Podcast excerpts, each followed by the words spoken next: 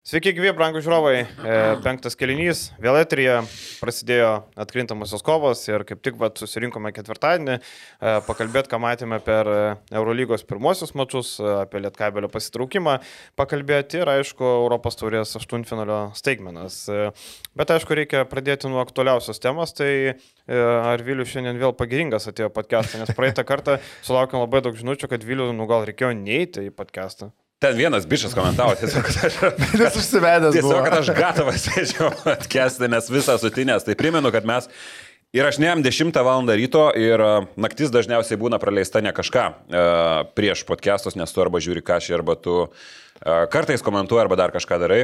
Tai, tai va dėl to tokia forma prasta dažnai būna labai. Man labai būtų įdomu pažiūrėti, kaip tie, kur rašo apie tave, ten taip patys 10 ryto atrodo, blemba. 10 ryto žmogus dar būna visas toks. Bet jeigu žmogus šeštą atsikelia, tai nebūna dešimtas sutinės gal. Blemba, žinok, aš a, pabandžiau prieš savaitę pabandyti prisijaukinti a, tokį grafiką, kad atsikeliu nuo pusės septynių ir einu pabėgiot. Nu, žinok, aš vis tiek į Opa. darbą sutinės nueinu. Nu, Aš vis tiek man tas, nu, toks jaučiasi, kad toks. Šiaip aš dabar irgi anksčiau pradėjau keltis jau 7 vasarą, aišku, lengviau, kai jau Su pirmais gaidžiais. su pirmais. Gal geriau be gaidžių.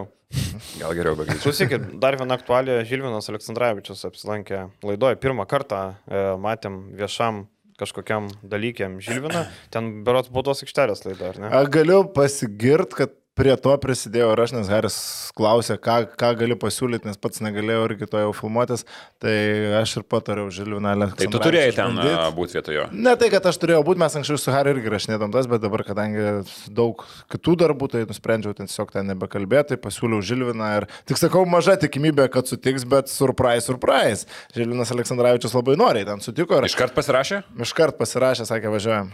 O, bet e, keli įdomus dalykai, mes ateinam su kompais, taip toliau, ten visi. Žilvinas 10 lapų atsinešė, tai toks... e, Šiaip žil, Žilvos yra tas skiriamasis brošas, kuris ateina e, komentuoti išleidimą ir jis būna tos lapus susisukęs į, į tokią tubelę ir nešasi kaip profesorius koks nors.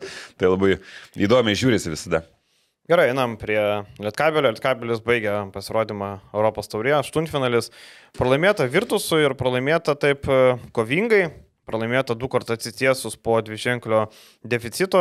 Pirmiausia, tai mane labai, mm, nežinau, net nenustebino, turbūt to tikėjausi, kad e, Bolonija buvo 3,5 tūkstančių žiūrovų. Tai yra absoliučiai niekas. Mes kalbame apie panevežionę, kad panevežį neina žmonės, e, kad mažai žiūrovų, bet Bolonija yra miestas turintis e, 400 tūkstančių gyventojų beveik, ne? Tai yra e, penkis kartus daugiau negu panevežys. Tai, na, Matom, kaip yra. Bolonija, šiaip e, Italijos lygos rungtynės pasižiūrėjus, įdomesnėse rungtynėse susirinka gerokai daugiau žiūrovų, būna virš keturių, e, bet vakar 3,5 ir e, kartais žiūrint rungtynės net atrodė, kad žaidžia neutralioje aikštėje arba, nežinau, arba tuščioje aikštėje. Kaip jums? Šiaip man čia tik dar vienas įrodymas, kad mes lietuviai gyvenam stipriam krepšinio burbule, kur, kurie galvojam, kad na, krepšinis yra numeris vienas Europoje, nu gal negalvojam, bet bent jau pas mus taip yra ir tai yra ryški tendencija, kitur krepšinis na, yra lygiai grečiai su tom antriniam sporto šakom kaip ir pas mus. Tai čia tik dar vienas puikus įrodymas, kad tokiam dideliam mieste, aišku, Lietkabelis nėra vardas, neturi kažkokių įdomių žaidėjų, kurių galbūt ateitų virtus pažiūrėti, bet jie patys turi tų žaidėjų, kuriuos galima kiekvieną kartą žiūrėti. Tai yra iš vienerių rungtynių mačas, svarbus mačas, tai tokie skaičiai, aišku, atrodo labai prastai. Šiaip tu užsiminėjai apie tą, kad e, krepšinis, e, ko- koks, jis, e, koks yra to vaidmuo Europoje ir šiaip man čia buvo gal didžiausias nusivylimas dirbant žurnalistikoje, pradėjus tiksliau dirbti ir pradėjus kažkiek tai pavažinėti po Europą su čempionatais, su individualiom varžybom ir kai tu pajauti, kad tu nuvažiuoji į kitą Europos šalį ir ten visiems yra visiškai pajabatas krepšinis, jie visiškai nežino, kur tu čia atvažiavai, jie nežino, kas vyksta, o tarkim, Nu, kokios nors Darušofakos namų rungtynėse su buvęs e, su, su Žalgiriu irgi tokios šeimos, kažkas užklysta, kažkas pro šoną, o atrodo Eurolygai, jau čia skamba tavo himnas, tau asmeniškai tai yra vau, bet iš esmės e, visiems kitiems Europoje tai yra nu, labai mažam procentui žmonių, tai yra kažkas uh, svarbaus. O kalbant apie Boloniją, tai vėl, šiaip iš esmės Bolonija yra vienintelis Italijos miestas, kuris, nu, kažkiek gyvena tuo krepšiniu, kažkiek tas krepšinis yra, nu, bent jau lygiai grečiai su futbolu. Aš netikiu, kad jis yra aukščiau futbolo ir kiek man pačiam yra tekę Bolonijoje būti, bet iš esmės ten krepšinis yra populiarus, bet vėl reikia grįžti prie to, kad Lietkabelis italam, tokiem italam, kurie šįmet turi tokią fantastišką komandą kaip Virtus, praktiškai stipriausia visoje Europos taurės istorijoje, aš galvoju, yra tas pats, kas mums Šlionskas. Nu, ten kanterį dar matom, ten mums pažįstamą veidą, ten urlepą dar matom, tai gal net, net Šlionskas gal netinka, aš nežinau. Nu, tiesiog yra niekas. Sutikim, playoffų komanda, kuri mūsų sustebina, bet italams tai yra niekas. Nei vieno girdėto veido, išskyrus, nu, panas, kuris dabar domina ir, ir, ir Panatnaikose. Tai gal kažkiek, bet šiaip. Ar tai labai, labai abejoju. Orelikas va italam žinomas yra. Dėl Kažkiek. Bolonijos, tarkim, futbolo komanda dabar tik 13 vietoje Italijos e, aukščiausio lygoje, bet e, šiaip turi neblogą fanų bazę, jeigu tai pasižiūrėjus, Bolonijos futbolo klubas turi neblogą bazę. A, šiaip, aišku, apie Eurolygą dar kalbėsime, bet vis tiek tas pats kontekstas, tai jau Eurolygos ketvirtfinalis, pirmas mačas, tu tikėsi kažko įspūdingo Milano ar mane prieš Anadolo FS. Negali ir- tikėtis, nes tuo metu Milano derbis vyko. Jo, bet tai yra miestas irgi su, su kiek gyventojų, tai žinai. Bet pasižiūrėk, man tai čia iš Eurolygos pusės ar nebuvo galima kažkaip apkeisti tų dalykų, Galima. kadangi Milano reikia, čia tiesiog reikia suvokti, kas Italijoje yra Milano derbis. Milano fucking derbis. Interas su AC Milanu. Tai yra nu, tiesiog įvykis, didžiausias ten to laikotarpio įvykis, tame apskritai net ne mieste, o visame regione. Tai tą reikia suvokti ir tu įkiši Eurolygą, kuri nu, turi kovo dėl to savo sirgaliaus. Italijoje vėlgi ten ateina žmonės pasižiūrėti tą krepšinį, kaip nu, neturi tų ultrų, neturi tų ištikimų sirgalių. A, Tai šitą reikia būtina suderinti ir to nenutiko, aš tai tuo nusivylęs esu stipriai, bet grįžtam gal prie mačo. Tiek, kad pabaigsiu Milane 1,3 milijonų gyventojų. Aišku, daug kas tiesiog lieka tada prie televizorių žiūrėti futbolą vis tiek, o ne krepšinį gyvai, bet vis tiek žmonių tai kiek. Madrid irgi nebuvo per daug, 7,6, e, Milane buvo 6,4. 6,9, 7 beveik. Taip kad skirtumas labai nedidelis, e, nors Madridas nieks netrukdė. O, o mes, mes stebimės, kad pasvaly žmonės neteina pasižiūrėti, ką ten Cibona palabo atvažiavus. Jo, nu, bet ten, žinai, tokia, nu, nuvalkiota kaip Žilko Bradas. Tai dar prie to pačio galima pridėti tą skirtingą visiškai situaciją, kuri buvo uh, Pirėjui. Pirėjų išlavė staigiai per dieną visus bilietus. Ten buvo pavieniai likę ir matėsi pavienės kėdės yra, bet iš esmės a, rašė visur, kad soldautas. Anadolo FS visi bilietai buvo išluoti per a, dvi ar vieną dieną, kai net varžovas nebuvo aiškus. Tiesiog jie paleido bilietus anksčiau, kaip kažkada Žalgiris darė, kai dar net varžovas nėra aiškus.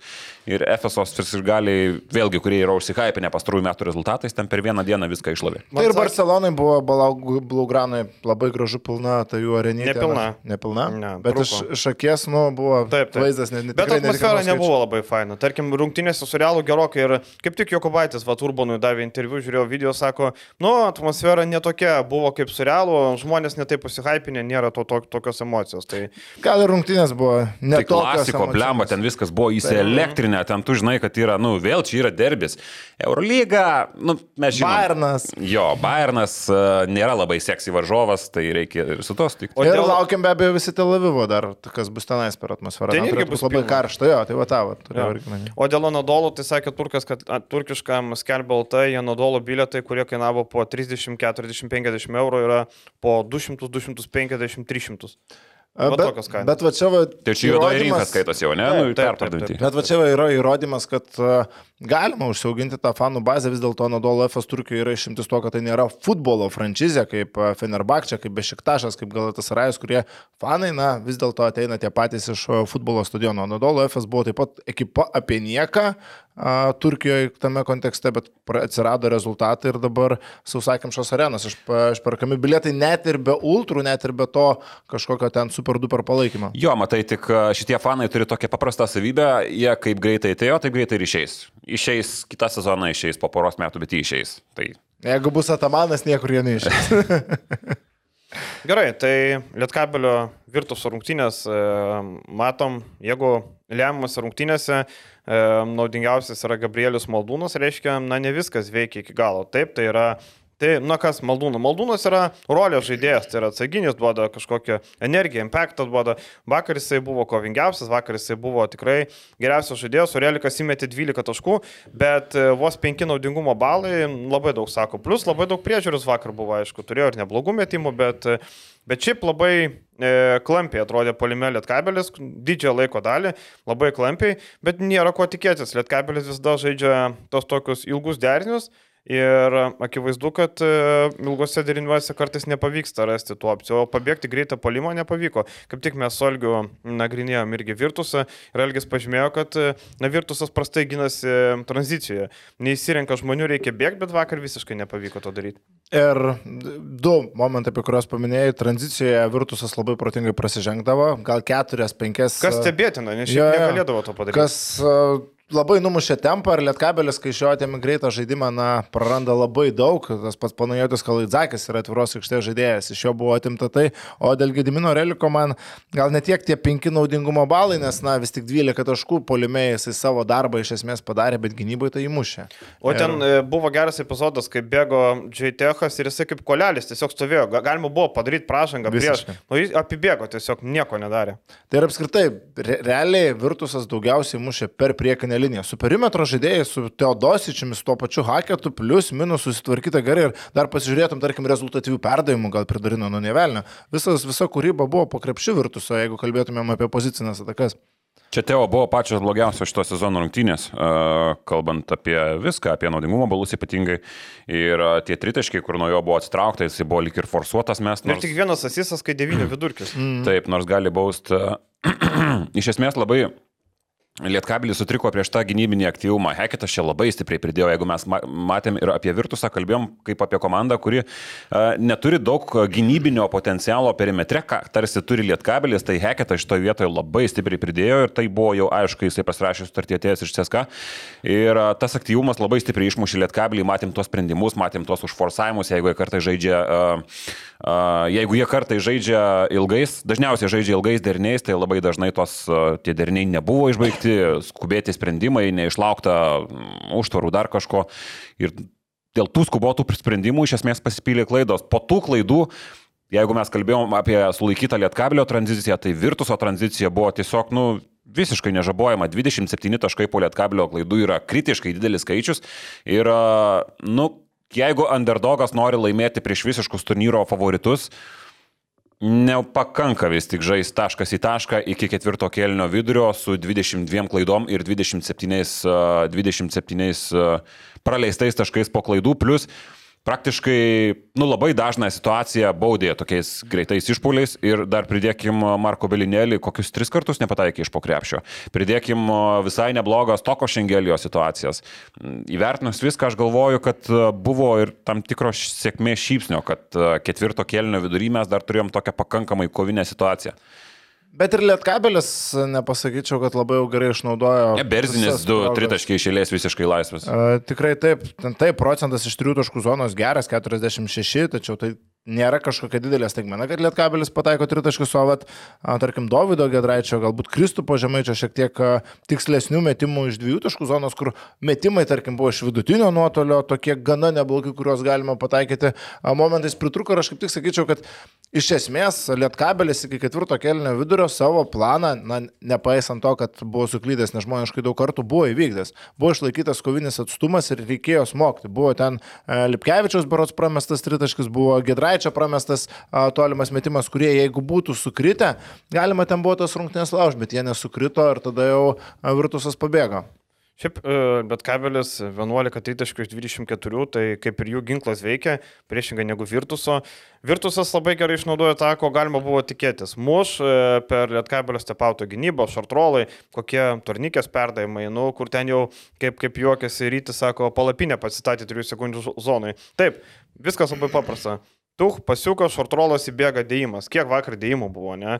E, po to Čanakas gynybą pakeitė. Po to Čanakas gynybą pakeitė ir tai padėjo gal sugrįžti, padėjo iš, išlyginti žaidimą, bet netgi tada, kai Lietkabelis prieartėdavo būdavo, nu nežinau, trukdavo to tokio, kad gali perlaužti ir nu, nuvažiuoti, ne? Matėm, tik prieartėję virtusą, tuk tuk ataka, ataka, vėl 7, vėl 8, vėl kažkur klaida. Aišku, tų klaidų labai daug, 22 klaidos e, tokiam mače, bet nu nieko kito tikėtis, virtusas irgi 16 padarė, tai kaip ir žinai. Ir va tas vargavosi, kad kiekvieną kartą, kai priartėja, Virtusas sugebėdavo numušti tempą, sugebėdavo prasižengti, sugebėdavo perimti kamolius ir lietkabelis neįeidavo galutinai tą savo savo būdingą žaidimą, kur gali bėgti, kur gali lengvus taškus susirinkti, bet tokių taškų pozicinėse atakose. Nors reikia paminėti, kad Nikola Radičiavičius šiaip sužaidė tikrai geras rungtynės tiek polime, tiek gynyboje, bet a, trūko kūrybos, trūko kūrybos lietkabeliui ir varžovų ta aktyvi gynyba, tas darbas rankomis labai numuždavo tempą, reikėdavo ieškoti improvizacijų, improvizuoti. Lietkabelėje, nu, vienas prieš vieną netiek ir yra daugam. Nėra kam. Iš vis nėra kam. Ir tas nėra kam labai jautėsi, kai tokią plačią rotaciją turi Sergijos Karjolo. Ir, atsiprašau, ir Lietkabelis pradėjo vargti ketvirto kėlinio antroji pusė. Ir tas labai jaučiasi, kai tu į kiekvieną poziciją turi po mažiausiai du žaidėjus e, visiškai Europos taurės kalibro ir tu nuolatos juos rotuoji tarpusavį ir jie kiekvienas vis šviežias išeina ir tarkim po krepšių žaitechas daužo gagičių dar kažkas, tai nu, tas labai stipriai jaučiasi, tas jėgų balansas. Tokio suolo, aišku, lietkabilis neturi, bet čia yra nu, tiek įvaizdus dalykai, kas iš esmės buvo aišku prieš rungtynės. Šiaip, kalbant apie Virtusą, Nu, man vis dar nepalieka po grupės etapo įspūdžio iš tą komandą, kaip ir nepaliko mačia su Lietkabiliu, kur Lietkabelis turėjo šiaip prie geresnių, vėlgi prie tokių klaidų, prie nekontroliuojamo virtuoso greito polimo su Berzinio tritaškiais, galėjo užsikur Lietkabilis, kaip ir tu minėjai, bet iš esmės to neįvyko ir Nu šito turnyro favoritais, kaip ir grupėse laikiau, aš taip ir dabar vis dar laikau Valenciją vis tik. Aš irgi pritariu. Kol kas uh, nepalieka. Taip pat dar pašnekėsime apie tą etapą. E, dar apie Lietkabelį, ką galima pridėti, Mane neramina Radyčiavičiaus nuolatinis šlubavimas, jisai pradeda šlubuoti po kiekvieno kontakto ir man atrodo, kad gali būti sutapėda taip, kad e, teks operuotis arba ten vėl nežino kas. Po kiekvieno kontakto, tas pas buvo rungtynėse čia panevežy, kai žaidė su rytu, irgi kontaktas iššlubuoja, suraukęs kaktas, skauda žmogui. Akivaizdu, kad Nikola nu, nėra šimta procentų pasiruošęs, akivaizdu, kad jaučia skausmą tai pėdui, nors ten nėra nei lūžio, nei stresinio, jokio lūžio nėra, bet akivaizdu, kad Nikola negali. Šiaip žiūrint į Nikolą, Nikolą, e, matom iš karto, jisai sugeba taip aštriai paduoti perdavimą, taip, e, taip rasti, tarkim, Kristupui dar trūksta tos patirties, jisai dar taip drąsiai numeta. E, Radyčevičius labai, labai tos dalykus gerai daro ir matom, kad tai buvo didelis Lietkabelio praradimas. Galbūt su juo būtų pavykę bent tą ketvirtą vietą išpešti. Ne? Matom, kad ilgą laiką žaidė be Nikolas ir tai irgi turėjo daug įtakos. Šiaip pabaigsiu pasižiūrint, kaip atrodo praeitą sezoną Žemaitis su Modestu Polasko jaunesniuoju žaidė. Dabar stumtėsi su Danieliu Haketu, kuris praeitą sezoną Eurolygos finaliniam ketvirtą žaidė. Modestu Polasko. Nu, nu taip, nu, tai komandai, tiesiog, tai. tiesiog koks didelis, ne, kokia didelė praraja, kaip viskas keičiasi per metus, tai iš čia pasižiūrėjus į rosterį, kokį rosterį turi Virtusas, kokį rosterį turi Lietkabelis, tai čia turėjo būti minus 20, bet Lietkabelis eilinį kartą parodė, kad gali kovoti su visais ir Gera sezono pabaiga, nors, nors netokia, kaip norėjo fanai. Bet šiaip skaudu, skaudu Lietkabeliui, kad turint tokį sezoną, tu vis tiek krenti aštuntfinalėje metrašiuose liks, kad tu tiesiog gavai nuo Bolonijos virtus ir kad tu ten išėjai kaip penktas įdas, o ne kaip aštuntas, nu, Gal kažkas ir atsimins. Teoriškai e, prieš sezoną būtų pasakę, kad e, Lietkabelis ketvirtfinalė pralaimės virtus, nu tai turbūt sakytum, liko aštuntas ir ant pirmos komandos. Šoko nevelnė, nevelnė. Lietkabelis buvo arti to, kad namų ištas pranašumą turėtų ketvirtfinalė, tai iš esmės sezonas geras, bet gaila, kad su tokia pabaiga. E, vat buvo įdomu dar labai pasi, pasimieruot, kaip mano močiutė sako, tuos kai kuriuos žaidėjus, kaip žemaitis, pavyzdžiui, tokiam superlygiai, kaip Tai nėra reguliariojo sezono mačas, tai yra playoffai, kur visi e, kirviais dantim galandasi vienas į kitą.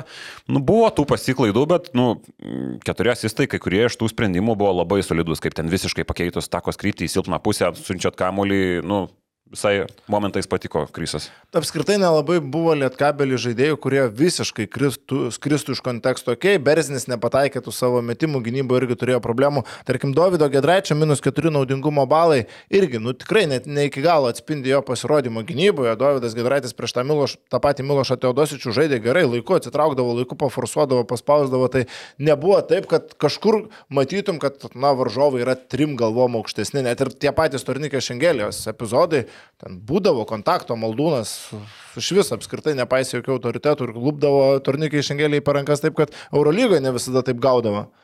Jo, ir šiaip kaip galime įvertinti visą pasirodymą, turbūt e, kiek galim parašyti už, tarkim, vakar e, kaip tik tą klausimą sulaukė Benas Matkevičius komentavęs su ryčiu, e, sako 7,5, kiek jų. Už visą sezoną ar už mačą? A, už visą. Už visą sezoną tai 8 drąsiai, manau, gali gali. lietkabelį. Gėdos nepadarė, tai man atrodo svarbiausia tai, šiaip e, ir tai yra svarbiausia, nes e, aš būtent buvau tas žmogus, kuris sakiau, kad gėdą padarys Lietkabelis e, prieš sezoną. Tai šitie žodžiai eina šuniui ant uodegos ir iššiukšliadėžę. Gėdos nepadarė ir vien faktas, kad liko komanda paskutinė tarptautiniam sezone, būčiau statęs, kad rytas liks prie jau įvykusių vėliau aplinkybių, žalgerio traukinys labai anksti nuvažiavo, bet kad Lietkabelis liks, nu vėl, Šlionskas toks kaip ir išėjo, su Loko aišku nebūtų išėjęs, bet, uh, bet dabartinė situacija, ne Šlionskas išėjo, tai tas, kaip ir tu sakai, nu, po kažkiek metų aš nežinau, ar mes labai prisiminsim, kaip kad dabar neprisiminam uh, to kazio išėjimo su Lietkabeliu į Europos taurę, kai da tam senam formate varžėsi Lietkabelis. Tai, nu, ko gero, aštuoni būtų šiek tiek patemtas, bet reikia duoti kredito ar komandai, kuri dasigavo, kaip ji dasigavo iki tų playoffų, o ne kad dasigavo. Ne, tik šiaip galima prisiminti vieno žmogaus, kuris čia pas mus studijoje kalbėjo Jono Vainausko teiginius, kad žaidimas tarptautinėme turnyre komandai, žaidėjams, ypatingai tokiame turnyre kaip Europos taurė, duoda labai daug ir, a, tarkim, praktiškai visi žai, krepšininkai žaidė Lietkabelėje, per šį sezoną dėjo nemažą žingsnį priekį savo karjerose, pasikėlė vertę, a, patobulėjo individualiai, patobulėjo komandiškai Lietkabelis ir a, tas žaidimas Europos taurėje davė labai daug iš šitos pusės Lietkabelį. E, Daug duoda LKL kovom, bet e, LKL kovas gali būti rezultatas toks pat kaip pernai. Maksimum turbūt, ką, galima pasiekti, yra trečią vietą laimėti. Tai e, vėlgi, čia jau kalbėsim toliau, bet gali būti vėlgi e, geras sezonas, viskas faina, viskas gerai. Bet vėl mažasis finalas. Tai čia vėl grįžtam, žinai. Nu, Lietkabeliui reikia dabar siūsti, kaip žalgariui reikėjo siūsti Svairopoluisui. Pintinės, pintinės su vaisiais, taip dabar Lietkabelis į Klaipėdą gali nusiųsti kokį gražų dovanų maišelį Dainiui Adomaičiui, kad biški kažkaip tenais netyčia ištrauktų. Bet panašu, kad kai kurjeris atėjo prie Svaropolo namų, Svaropolas sako, eik dink nuo langų piktą dvasę, nes neprieimė ko gero pintinės, ir kadangi išsiuntė iškart... paskasi. Ir išsiuntė paskasi.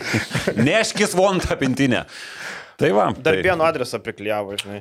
O šiaip, jeigu pasižiūrėtume longshotų, e, kiek galvojat žaidėjų, kitam sezonui liks lietkabelį. Pavyzdžiui, aš galvoju, kad e, matau maksimum keturis, nematau daugiau. Nu, gal penkis, bet e, iš pagrindinių, nu gerai, Vaičiūnas, e, Karolis Gedraitis turi kontraktą, Vitenis prasitęs, ne, Maldūnas. Dėl Vitenio aš gal net nebūčiau tikras. toks. Manau, Nu, bet turbūt mes jau esam kalbėję šitą temą. Žemaitis turi kontraktą. Grantas Vasiliauskas nemanau, kad e, nebent kaip 12 žaidėjas, gal jeigu kažko kito neras. E, bet iš pagrindinio Davidas grįš į ACB, Gagičius, manau, važiuos žais kitur. E, šiaip mano toks longšotas būtų, kad kitas sezono lietkabelį nebus nei vieno serbo. Nei vieno. Iš trijų serbų nebus. Aš taip galvoju. Aš visiškai pritariu. Gagičius gal, bet iš esmės aš manau, kad neliks nei vieno. Neliks Nenado, neliks nei vieno. Tai taip, viskas priklauso nuo to, jeigu nelieka Nenado Čanako, na, tai serbų irgi turbūt nelieka. Ne, bet ta prasme, net, e, nu, imant kaip e, individualius asmenys. taip, taip, taip. E, Net nesusijusius su vienas kitu, aš galvoju, kad ni- Radičiovičiaus tokio kaip žaidėjo jam tikrai nereikia, aš galvoju, kad galima kažką kito paieškoti. Gagičius, aš galvoju, tiesiog pats gali nelikti, Čanakas irgi jau kaip ir apsitrynęs. Ir, Neaišku, kiek, kiek dar žmogui dar vieną sezoną vėl lipdyti komandą, kiek jam, kiek jam yra įdomu, nes nu, darbo vis tik įdėta yra nu, milžiniškai daug šitoje komandai. Aš šiaip Lietkabelis vėl tarp sezonų turės medžioti tuos žaidėjus, kurie LKL šį sezoną geriau sujudėjo tose nuo penktos Aš tai 11 nematau, kai komandos. vat, aš norėjau, e, ruošiu straipsnį apie tai, ne, tarkim, pernai rašiau ir vieną, ir kitą, trečią, dabar nėra ką imti. Ir nereikia Furmanavičius sakyti, negali jis žaisti lietkabelį. Jokių šansų. Ne, aš ne apie Furmanavičių pagalvoju, pirmas variantas tai būtų galbūt dabar taip staigiai šovęs į galvą, gal Lignas Argiūnas a, pasibandymui. Bet vietoj ko, vietoj Karolio Gedraičio nebent. Tai taip, ta Negali prasme, atiduot čia rimtos rolės. Reikia visą, pla, visą žinai, modelį matyti, ką tu turi, ko tau reikia, bet tiesiog pavardė Tai šovus šiaip iš galvą, kitų komandų, e, nu nėra ką. Realiai dabar mm. pasižiūrėk Juventusą, ką tu iš Juventuso kišto Milietkabelį. Lygnas Vaitkus. Ne, turi Juventusas yra sezoną. panašaus lygio klubas, pirmas dalykas, čia ir nė- nėra taip lengva paimti. Nu ką, iš Šiaulių ką tu paimtum? Martiną Varną, bet kokį rolę, atsarginio. Varn, Varnas turbūt opcija. Atsarginio, ne. Tarkim, Pauliau. iš Neptūno. Davidą Gailio aš paimčiau. Jeigu nelieka Lipkevičius, aš imčiau Davidą Gailį. Paimčiau iš nevėžio Paulių Murauską. Kokiam vaidmeniu? Atsarginiam Vietoj, vietoj Vasiliausko. Turbūt. 11-12. 11 žaidėjų, bet... Nu, vietoj Vasiliausko, tai be abejo, žinoma. Murauską. 11-10 galbūt žaidėjų. Jeigu žinai. Bet tai vėlgi, ar tam reikia auginti žaidėją žalgeriui? Gal tegu nevėžės augina. Galbūt. Jam ten daugiau naudos, jisai ten daug minučių gauna, o lietkabelis jisai būtų... Nu, čia vėlgi mes kol kas būrėm iš kavos tiršių, kiek Nu, Murauskas sutikit. patobulėjo per šį sezoną, jeigu jis dar tiek patobulėtų per kitą, jau būtų... Janis, paskira. Janis Trelniekas, out. Į, į lietkabelį? Jo, Aš in, aišku, in. Už kiek? už kiek. Nubliam, už 50 paimsiu. 50, aš, aš pa, man atrodo, už 50 paimtų, nežinau, NKL klubai. Už tribos lėkštę čia tas pats. Ne, žinai, Janisgi lytinis pick and roll žaidėjas, tai, tai žinai. Man atrodo, kad e, bet kokioje tokioje komandoje jisai tikrai, Lietkabelį, manau, būtų tikrai geras žaidėjas. Tik tai, žinai, e, nereikia daug tikėtis. Polime jisai, jam žaidžiant ant jo, jisai įsimestų, jaustų pasitikėjimą. Jeigu nebūtų traumų, manau, kad Janis būtų geras žaidėjas. Aš Tai- manau, kad jis dar Eurolygoje duotų putų, a, jeigu jis nebūtų, neturėtų traumų problemų ir viso to šleifo už savęs. Aišku, ir tos a, iš priejo laikų dar ko gero vel- velkasi visi šitie dalykai ir, ir, ir, ir kiti chroniški skausmai, kad jis, nu, kad nėra tai iškomunikuojama ir nėra tai pasakoma, nu, tai ir nebūtina sakyti, kad žaidėjas skauda tiesiog, tai klubas neturi to komunikuoti, bet aš noriu pasakyti, kad net ir be to yra pakankamai aišku, kad jį varžo šitie dalykai, sprendimų prieimimas ir judesių greitumas, pirmas žingsnis, dar kažkas, nu Eurolygoje tokiais greičiais tu negali žaisti. Koks jis buvo, nes jis dar nėra super senas, jam kiek 32 metai, ar ne? Mhm. Pagal savo skillsetą jis drąsiai žaistų Eurolygoje, jis tiesiog negali pagal savo fiziką ir viskas. Šiaip va, pagalvojau, Lietkabelis gali tos medžiot lietuvius, kurie užsienį šį sezoną žaidžia kaip po Davido Gedraičio situaciją. Tarkim, pagalvojau dabar Donatą Trolį, galbūt yra galimybė susigražinti iš Podgoricos. Lietkabelio kišenės iš esmės turėtų būti žaidėjas šio tarp sezone. Ir tarkim iš LKL, e, iš LKL man patinka Markelis Johnsonas. Man atrodo, jisai padarė labai didelį e, į priekį žingsnį. Kai jisai atvažiavo, gal buvo labiau toksai, nežinau, nerado vietos taip toliau, bet šiaip, žiūrint į jo e, atletiškumą, žiūrint į jo pirmą žingsnį, metimas nelabai, bet Nikolas irgi metimas nelabai, sprokstamą jėgą. Gynyba jisai, e, gynyba jisai turi skilsus gintis, tik reikia išreikalauti. Apskritai, pieno žvaigždės, jeigu būtų susikomplektavusios rugsėjai, o ne sausį, dabar kovotų dėl 7-6 vietos. Su šito sudėtim Randy Kulpeperius. Nu, faktas, kad jam reikėjo kažkiek laiko, pradžioje ten be galvos lakstė, a, žaidėjai komandai keičiasi ir nu, neįsivažiavo ir jis dabar Kulpeperius yra toks, kokio turbūt ir tikėjosi nuo pat pradžių iš jo. Bet jisai, bet tai parodo, LKL lygį atvažiuoja iš antros Italijos lygos žaidėjas ir tampa, okei, okay, tampa prieš, pasku, nu, ne prieš paskutinį devintos komandos lyderių, bet vis tiek tai daug pasako apie LKL. Jūs sakykit, ką norit, LKL yra LKL. O Markelis Johnsonas šiaip e, atvažiavo iš gero klubo, žaidė Turkijos lygoje, tai nėra, nėra taip, kad čia kažkoks užrybinis iškastas žaidėjas. Tai man šiaip Markelis patinka. Čia gal ne apie Lietkabelį, šiaip bendrai žiūrint, kad man Markelis iš tų galinių komandų legionierių palieka labai gerą įspūdį. Sugant link pabaigos, konkrečiai apie Lietkabelį, ko gero dar norėčiau pridėti ir tai, kad a, man atrodo, kad reikėtų kalbėti ir apie tai, kad Martinas Purlys kažkiek yra nusiplovęs, a, visiškai nusiplovęs tą savo...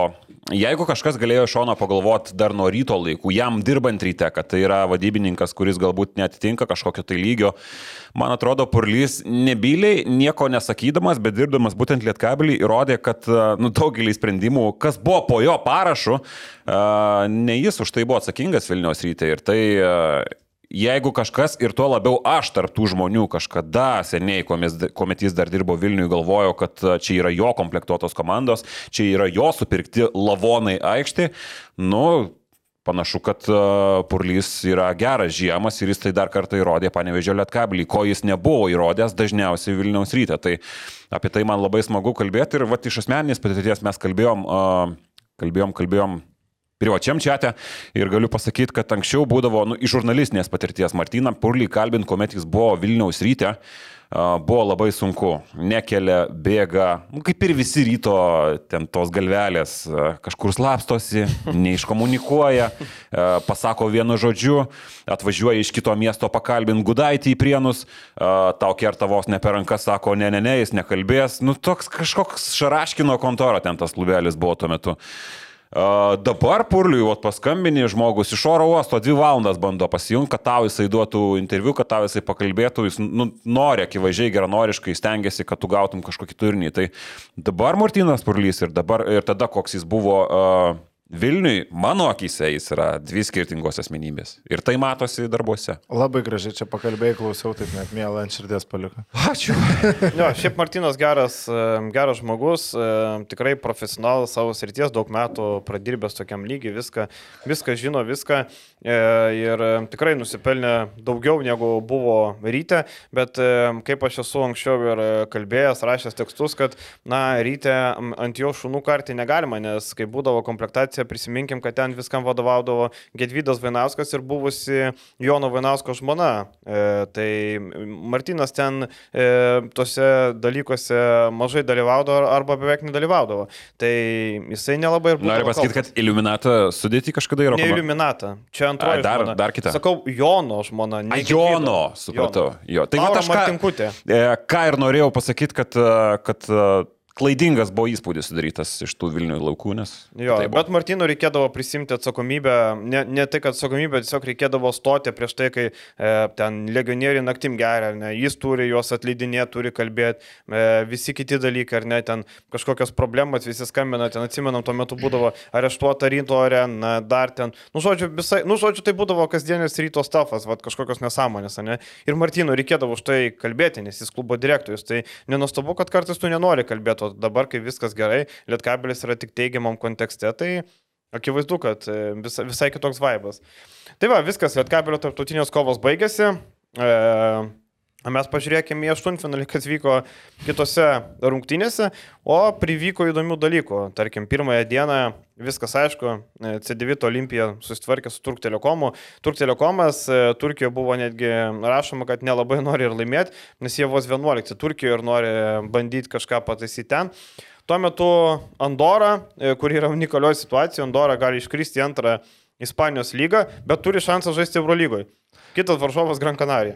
Čia unikali visiškai situacija, nelabai jaučiu. Čia tik futbolė įmanoma, mm. futbolė būtų įmanoma, ne jau komanda tarp iškritimo, bet prieš tai sezoną pateko Europinį turnyrą ir gali kažką. Ar Europos, tai Liverpooliui yra buvę taip, kad jie tą sezoną, kai laimėjo čempionų lygą. Nelaimėjo vietos į čia. Jo, jie ne, nelaimėjo, ar tada į Kauną atvažiavo. Čelsis buvo. Ne, Liverpoolis. Ai, dar anksčiau. Dar anksčiau, jo. Ai, aš kalbėjau apie tą vietą. Šeštiga liko tada Premier lyga ir tada į Kauną atvažiavo su FBK žaisti. Su Andoro dar ten buvo kažkoks tai cirkas, kad Justinas Kapsas atrodė muštis ėjo su fanais, ar kas ten buvo, ten jie kipišavosi labai stipriai, tai kažkoks toks įvykis buvo, bet Kopsas, reikia dar kalbėti, kad 24 minutės, 0 metimų iš 5, minus 3 naudingumo balai, tai labai daug ką pasako.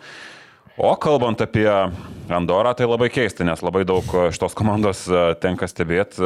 Nu, turi mėsos šitą komandą, yra McIntyras, yra tas pats Babatundė, toks pakankamai fiziškas ketvirtas. Babatundė Olomujyva. Olomujyva, jo. Labai geras. Fiziškas pakankamai žaidėjas Klevinas Hanna, kuris Ispanijoje yra labai Labai tinkamas žaidėjas, labai judrus, jisai, nu, tinkamas visai tai aplinkai. Drew Crawfordas irgi žaidžia žemiau savo galimybių ribos, jisai gali savo duoti. Tai ta komanda turi mėsos, bet ta trenerių kaita, ko gero, aš taip spėju ir taip žiūriu, Davidas Eudalis nebuvo prastas specialistas, bet tiesiog toj komandai labai daug kas nesuklikino. Ir tu pastatai, ne, Ibonas Navaro nebuvo prastas specialistas ir tu pastatai asistentą Davidą Eudalį, kuris nu, visiškai nestvarkė tų reikalų. Aš galvoju, kad jeigu tu prieimi sprendimą keisti trenerį, tai tu priimki iš pagrindų. Tai man kažkaip, kažkaip tas labai stipriai užstrigo, kad šitą komandą, aš galvoju, kad jinai liks vis tiek Endesui. Įdomu, pasieksim tą situaciją. Įdomiausia, pir pirmą dieną Badalonų žuventutas pralaimėjo Ulmui. Šiaip Ulmas, jeigu tai paprastai, kas nematė Ulmo, galima pasakyti, kad tai sukomplektuota komanda labai, labai įdomiai. Surinkti, o Jonas Vainauskas skambina gerai. Opa. Ne, mes ten su juo vieną projektą ruošiam, galbūt pavyks e, padaryti. Pažiūrėsim. E, Na, Ulmas. e, Jaka Lakavičius labai įdomiai sukomplektuota komanda, viskas atiduota į keturių, trijų amerikiečių ir vieno brazilo rankas. Kristianas Felicijo nežaidė, yra patyręs ramą, tai Ulmas laimėjo be savo pagrindinio vidurio polėjo. E, Semašas Kristonas, Jeronas Blossangėjimas, Sindarijosas Tornvilas. Tai yra trys amerikiečiai, viskas jų rankose. Ir to užteko nukalti Badaloną. Ir treneris labai apgailestavo, labai ilgai lėjo apmaudą, atsiprašinėjo, teisinosi ir taip toliau, ir taip toliau. Bet, e, nu ką, Badalona krenta ir e, man šį Badaloną neįtikina.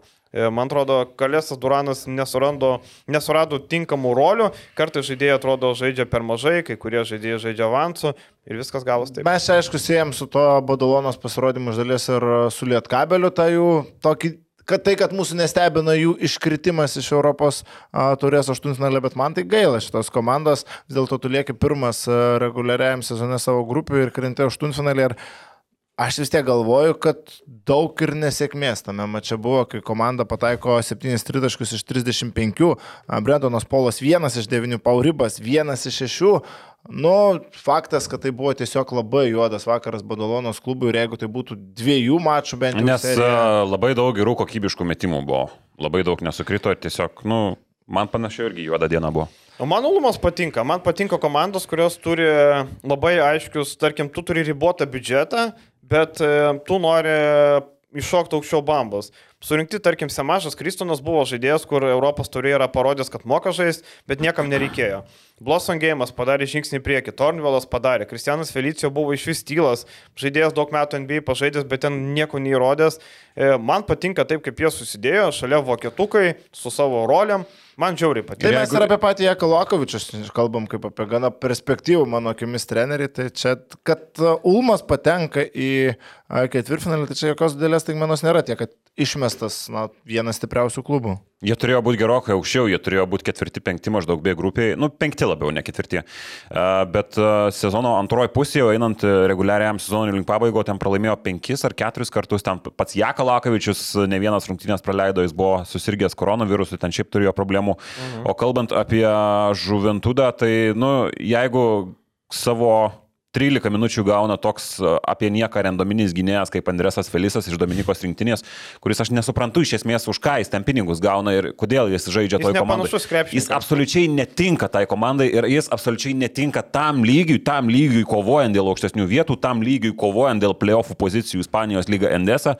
Tai labai daug ką pasako, tas pats Brendonas Polas, jis turėjo labai daug a, traumų ir problemų šį sezoną ir tapo visišku nusivylimu, ko gero po tų sveikatos problemų jis taip ir nespėjo įsivažiuoti ir, ir, ir, ir, ir tie jo pasirodymai su Nu, viskas, mes turim vyšnę ant torto, 1-9 tritiškai labai daug ką pasako. Jis tiesiog a, neįsivažiavo iš to komandoje, nors turėjo būti vienas kertinių žaidėjų. A, Karlesas Duranas visą sezoną, kol jo nebuvo, kartojo, kad vat, prisijungs dar Brennanas Polas, mes jungsim dar aukštesnę pavarą. Tai to galiausiai neįvyko, taip išeina, kad komanda liko be savo rezervo.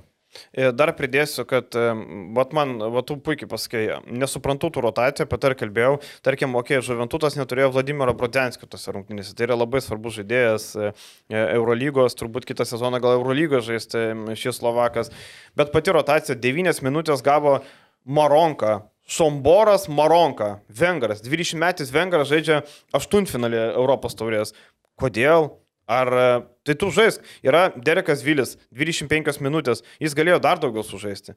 Tai tu sakai, Felisas, ten, ten tos rotacijos yra labai kvailos ir e, man visiškai negaila, taip ir reikia, žuventų, tai važiuokit, e, kur reikia. Bet iš esmės mes dabar turim situaciją, kai šešta šiuo metu Ispanijos lygos komanda krinta, 18 eina toliau. Taip, e, vakar kiti dalykai. Paryžiaus metropolitansai 21 taškų sutriuškino Veneciją. Tai yra, šiaip Venecija galėjo kliūti Lietkabelį, jeigu būtų laimėję, ir tai būtų tikrai, manau, Lietkabelis būtų susitvarkęs su Venecija. E, prastai atrodo šį sezoną Venecija, neranda, neklikina nei Italijos lygoj, nei Europos tauriai, bandė keisti žaidėjų, Jordanas Teodoras atvažiavo ir taip toliau, bet nu šitą komandą nesuburta laimėti. šį Ir labai gaila, kad net tokioje, sakykime, vidutiniokėje, švelniai tariant, Martinas Ehodas to vaidmens taip ir neišsikovojo. Mes jau kalbėjome apie to priežastis gana mm. nemažai, bet ir šiose rungtynėse savo septynios minutės, vos porą taškelio, tai tarkim įsivaizduojant, kad tokiam lietkabelį Ehodas būtų nu pirmo ryškumo žaidėjas, aplink kurį visas polimas. Mes žinom, koks, koks geras. Mes žinom jo lygį, taip. Ir tai yra turbūt mūsų supratimu žaidėjas tarp Europos turės ir Eurolygos lygio netoli. Bet dabar aštuntfinaliai krentančiai komandai A, negauna visiškai jokio vaidmens, tai reikia bėgti Ehodui iš ten. E, toliau Gran Canaria sutriuškino Šlionską 27 taškais ir tik noriu pasakyti, kad Šlionsko sezonas apskritai baigtas taip simboliškai, kaip būna čempionų lyga baigia visą futbolo sezoną, taip Šlionskui baigėsi, nes jie Lenkijos ketvirtfinalį 0-2 pralaimėjo seriją Zelionos Gūros Štelmet komandai, tai Šlionsko sezonas baigėsi būtent Gran Canarijoje, galės pasilikti atostogauti labai puikia vieta, tarp kitko visiems linkiu nuvažiuoti Gran Canariją. Esi buvęs? Jo, du kartus per pasaulio čempionatą ir vieną kartą su Lietkabeliu. Žiauri, faina vieta, tikrai labai smagu ir atmosfera gera, žmonės atsipalaidavę, oras geras, yra ką net pamatyti, pa, paturistauti, šiaip tikrai Gran Canaria. Ir ka, kas yra buvę Gran Canaria ir Tenerife, tai visai rekomenduoju būtent Gran Canaria. Bet ten vėjas visą laiką toks nu, stipresnis, toks, pučia, ar, ar ne? Bet toks malonus, spėju, žinok, malonus, malonus. Ten banglininkai mėgsta. Mm. Nu, ir ten dar yra labai daug uh, homoseksualų, kaip čia pavadinti. Ten yra jų sostinė. Tai jeigu kas bijo, nevažiuokit, jeigu nebijo, drąsiai važiuokit.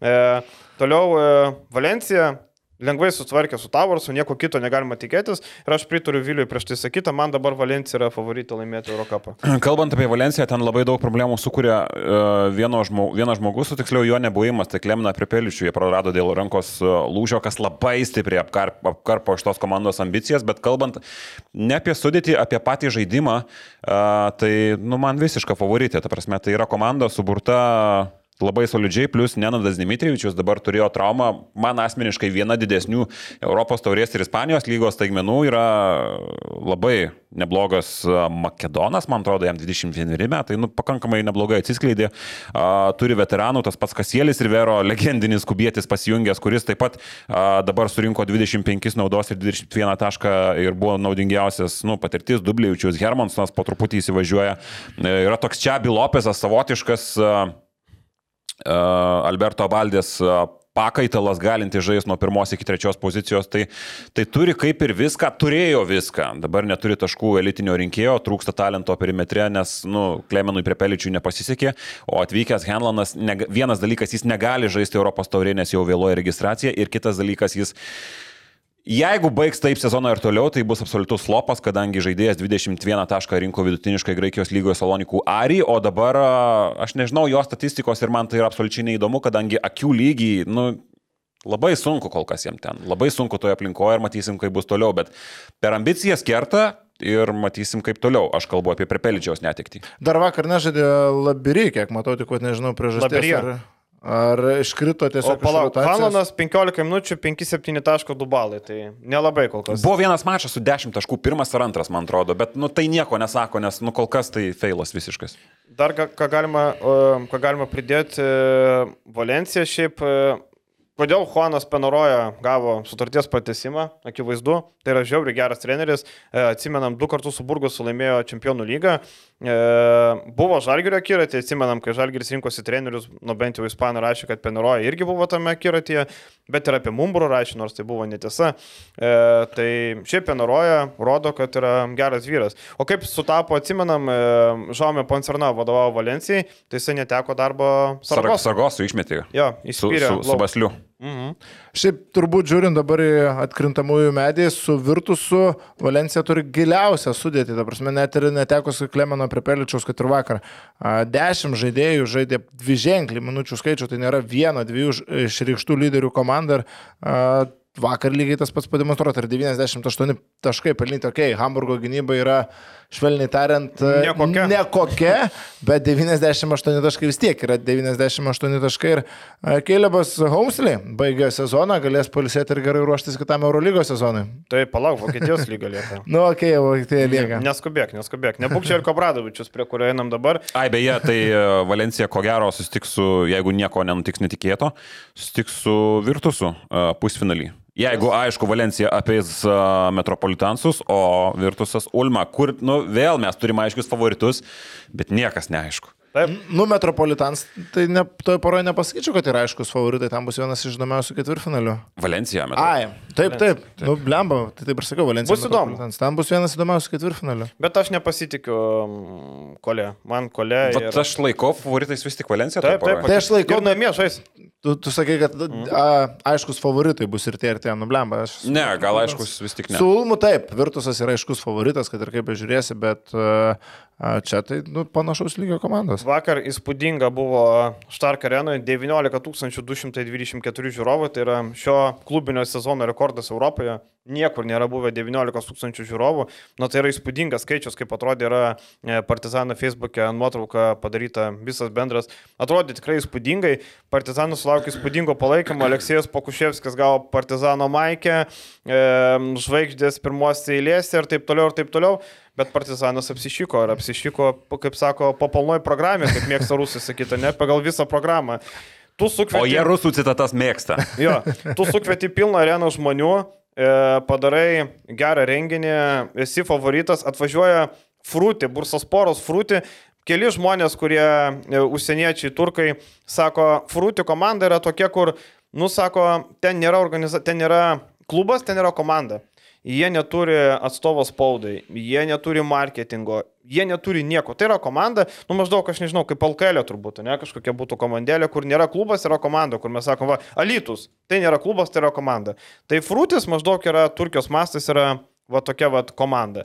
Ir jinai sugebėjo atvažiuoti ir em, pažėliko teviniai duoti per veidą. Ir, ir be abejo, dar didžiausia višnaitė gaunasi, kad a, tą komandą treniruoja Cervenas Vesdas žmogus, tai čia iš viso pliaus, kad partizanui per, per, per veidą tokia, kad jaučiu žaktelėjo visi susirinkę Dušnas Olimpievičius, legendarinis a, šios komandos treneris, o kas dar džiugu, kad Tuti Fruti komandos.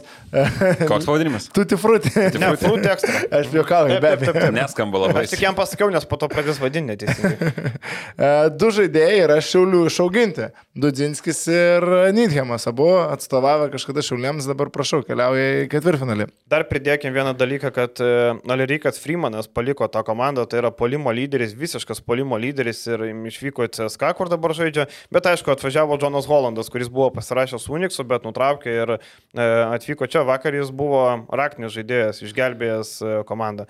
Vakar būtent Jonas Hollandas buvo tas faktorius. Nu ir ma, e, Madaras buvo faktorius rungtinių pabaigoje nekoks. Manau, ten jam nesaugu dabar Belgrade. Dušanas Olimpievičius, jeigu tai paskaitai, jam buvo 36. Ir e, kai Jonas Vainauskas samdė Niną Dačanaką, prieš tai norėjo labai Dušno Olimpievičius. Jau buvo pirma, pirma opcija, skambino būtent Olimpievičių, bent jau kiek aš atsimenu. Ir Dušnas tuo metu negalėjo, nenorėjo, nežinau kokios buvo aplinkybės. Bet žodžiu, tai yra dar vienas perspektyvus serbų strategas, kuris, na, tokią pliauską Želko Bradovičių davė. Wow. Tai o Bradovičius nuo dviejų perspektyvių serbų trenerių, nuo Nenodo ir nuo Olimpievičius per vieną sezoną praleido. Šiaip jo, aš esu kaip, vat, prisiminiau tą su Brusas Poro, kai komentavau, man atrodo, Europos taurės vienas rungtynės šį sezoną su jais. Reikėjo ieškoti pas juos informacijos, nu kur tu būna pasieškai kažkokios gilesnės. Tai per jų vietinius praeini e, visokius spaudos leidinius arba tą patį klubo puslapį, tai buvo labai sunku, nes, nu, maks neprofesionaliai viskas tvarkoma. E, Šiaip e, Burso yra dvi komandos, Bursos Tofašas ir tas pats Bursas Poras, bet įdomu tai, kad Bursas Poras, kuris yra įkurtas prieš aštuonerius metus, fanų bazę turi didesnę nei Tofašas, kuris gyvoja ten jau pusę amžiaus, daugiau nei 50 metų ar kažkas tokio, man atrodo. Bet iš esmės na, viso to paslaptis yra tame, kad Bursas Poras tiesiog turi savo futbolo klubą. Ir automatiškai tas palaikymas fanų bazė yra didesnė. Bet tas pats profesionalumas, aš sutinku visiškai ten tokio kaip nelabai ir matosi. Tai, nu, čia tokia visiška sensacija ir kaip Pobradovičius ir sakė, nu, jie tapo tos sistemos aukom. Aišku, ta auka, tu tampi, nes tu nesugebėjai laimėti, bet kokiu atveju tai būtų vienas ar keli mačai, bet reikia kalbėti apie tai. A, kaip galvojat, jeigu Partizanui nepavyks laimėti Adrijos lygos, Želko turi trauktis? Man atrodo, kad ne. E, Žinom, kad Želko per pirmą sezoną net su Feneriu nesugebėjo išėti ketvirtfinalį, top 16 krito. Tai Obradovičius, aišku, sako, jeigu aš problema, aš galiu išėti, taip toliau, aišku, tai yra treneris, kuris nesivaiko kontraktų, jam nereikia pinigų, jam, e, jisai, žinai, yra didelis honoras, jis nereikia, mane čia nebus, žinai. Bet kontraktas tai jo gana solidus. Nu taip, žinai, nu, tai Ne, ne, neįs už žinai. dyką dirbti, žinai, viskas akivaizdu. Ir jisai puikiai supranta, žinai, kai sako, atėjau Rūbinę ir e, negaliu pasakyti, kada kita treniruotė, nes man sezonas baigėsi.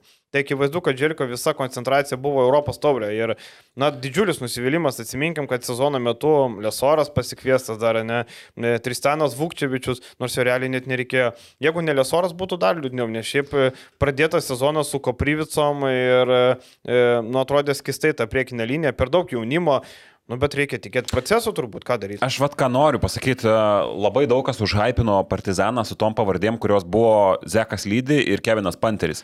Bet iš esmės, nu, Radionas Kurucas tapo visišku šitos komandos flopų ir nusivylimų, Avramovičius buvo labai banguotas ir taip toliau ir panašiai. Taip vėliau prisimtas Matiesas Lesoras, bet šita komanda labai daug kentėjo dėl savo jaunatviškumo, kas ją stebėjo reguliariam sezone.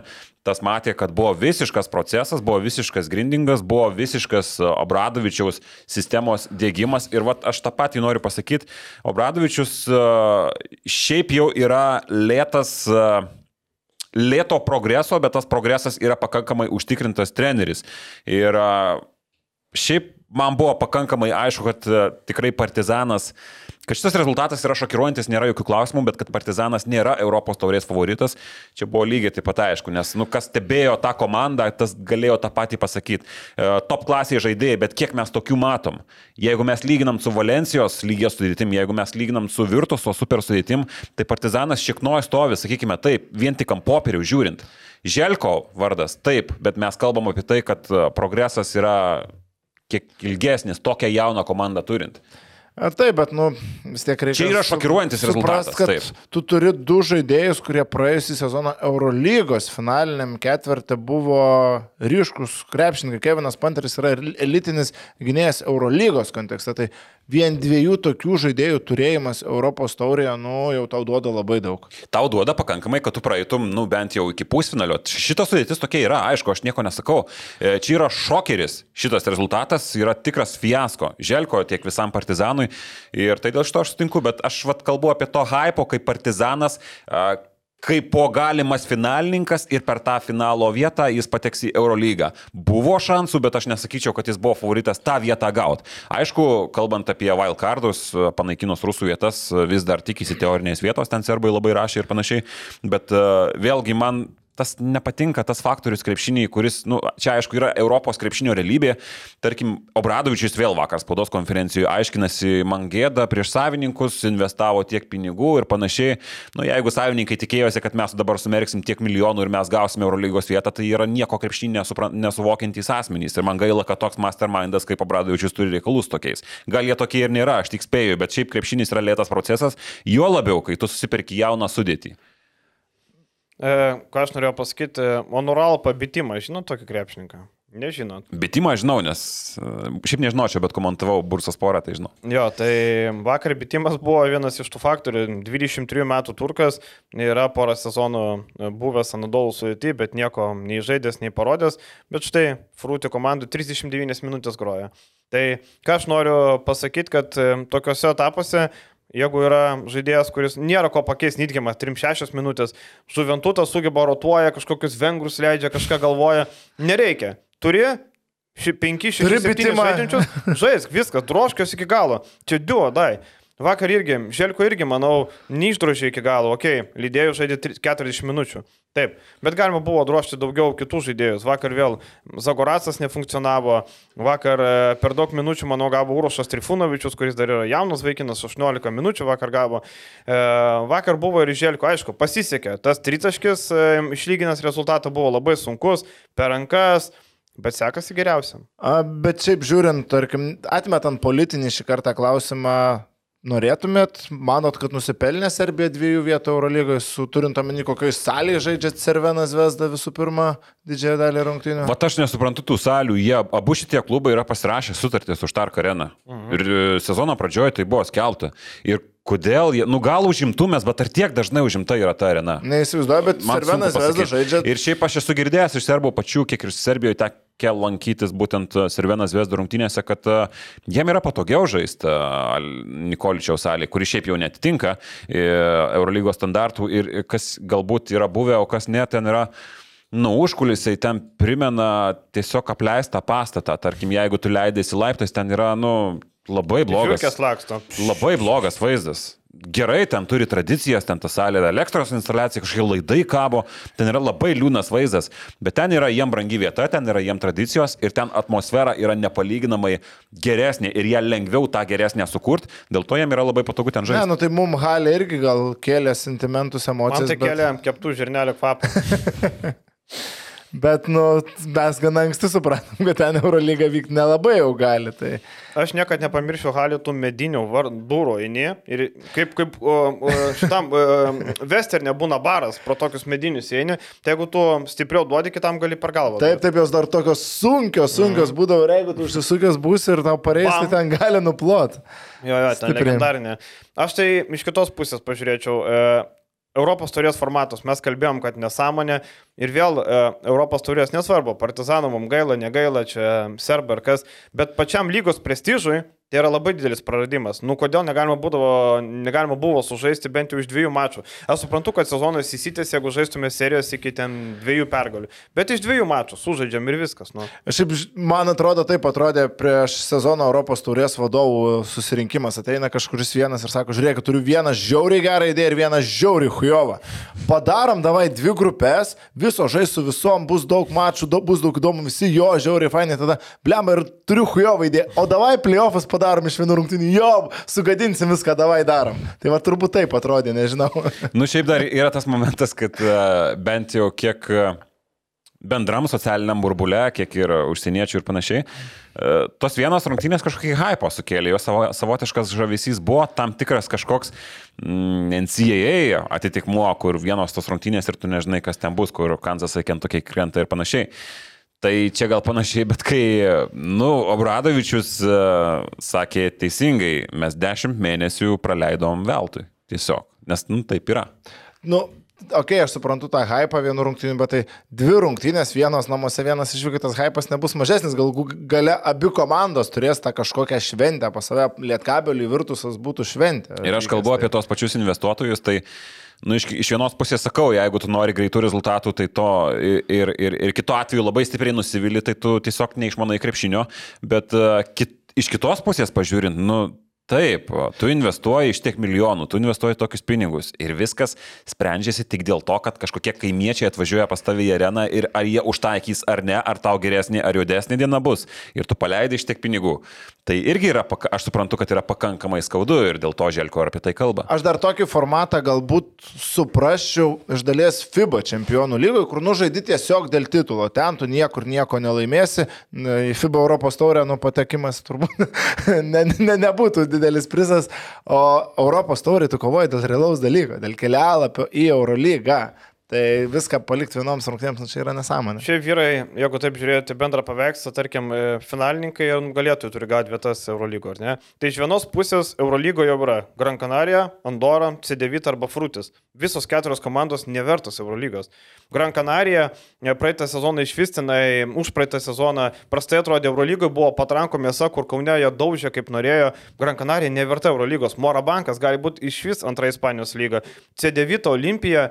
Nu, Žiūrėkit, mes dar pamirštam vieną dalyką, kad Monakas yra, yra patekęs į playoffus, kas reiškia, kad jie kitą sezoną žais Eurolygoje ir kas reiškia, kad nėra. šį sezoną, nu jo, ruskelių nėra. Na, tai va įdomu, žinai, kaip čia bus. Bet iš esmės, tarkim, Frutis patenka Eurolygą. Nu čia Nu, čia nesąmonė. Jie- nesąmonė. Čia būtų, tarkim, Monakas pateko, okei, okay, Monakas bent pinigų turi, pažiūrėkim, kokios sudėtis surinko ir jų ambicijos toliau auga. E, bet Frutis, Morabankas, e, ne. Nu, čia Čia beje, turkai rašė, kad a, ambicijų turėtų žaisti Frutis, nes a, Fruti ekstra, kaip be būtų linksma, yra pakankamai rimtas rėmėjas Turkijoje ir jie turi, turi pinigų. Ir jie būtų pasiruošę įmerkti šiek tiek tų pinigų, jeigu jie žaistų Eurolygoje. Gal pasamdytų savo spaudai bent. Ką?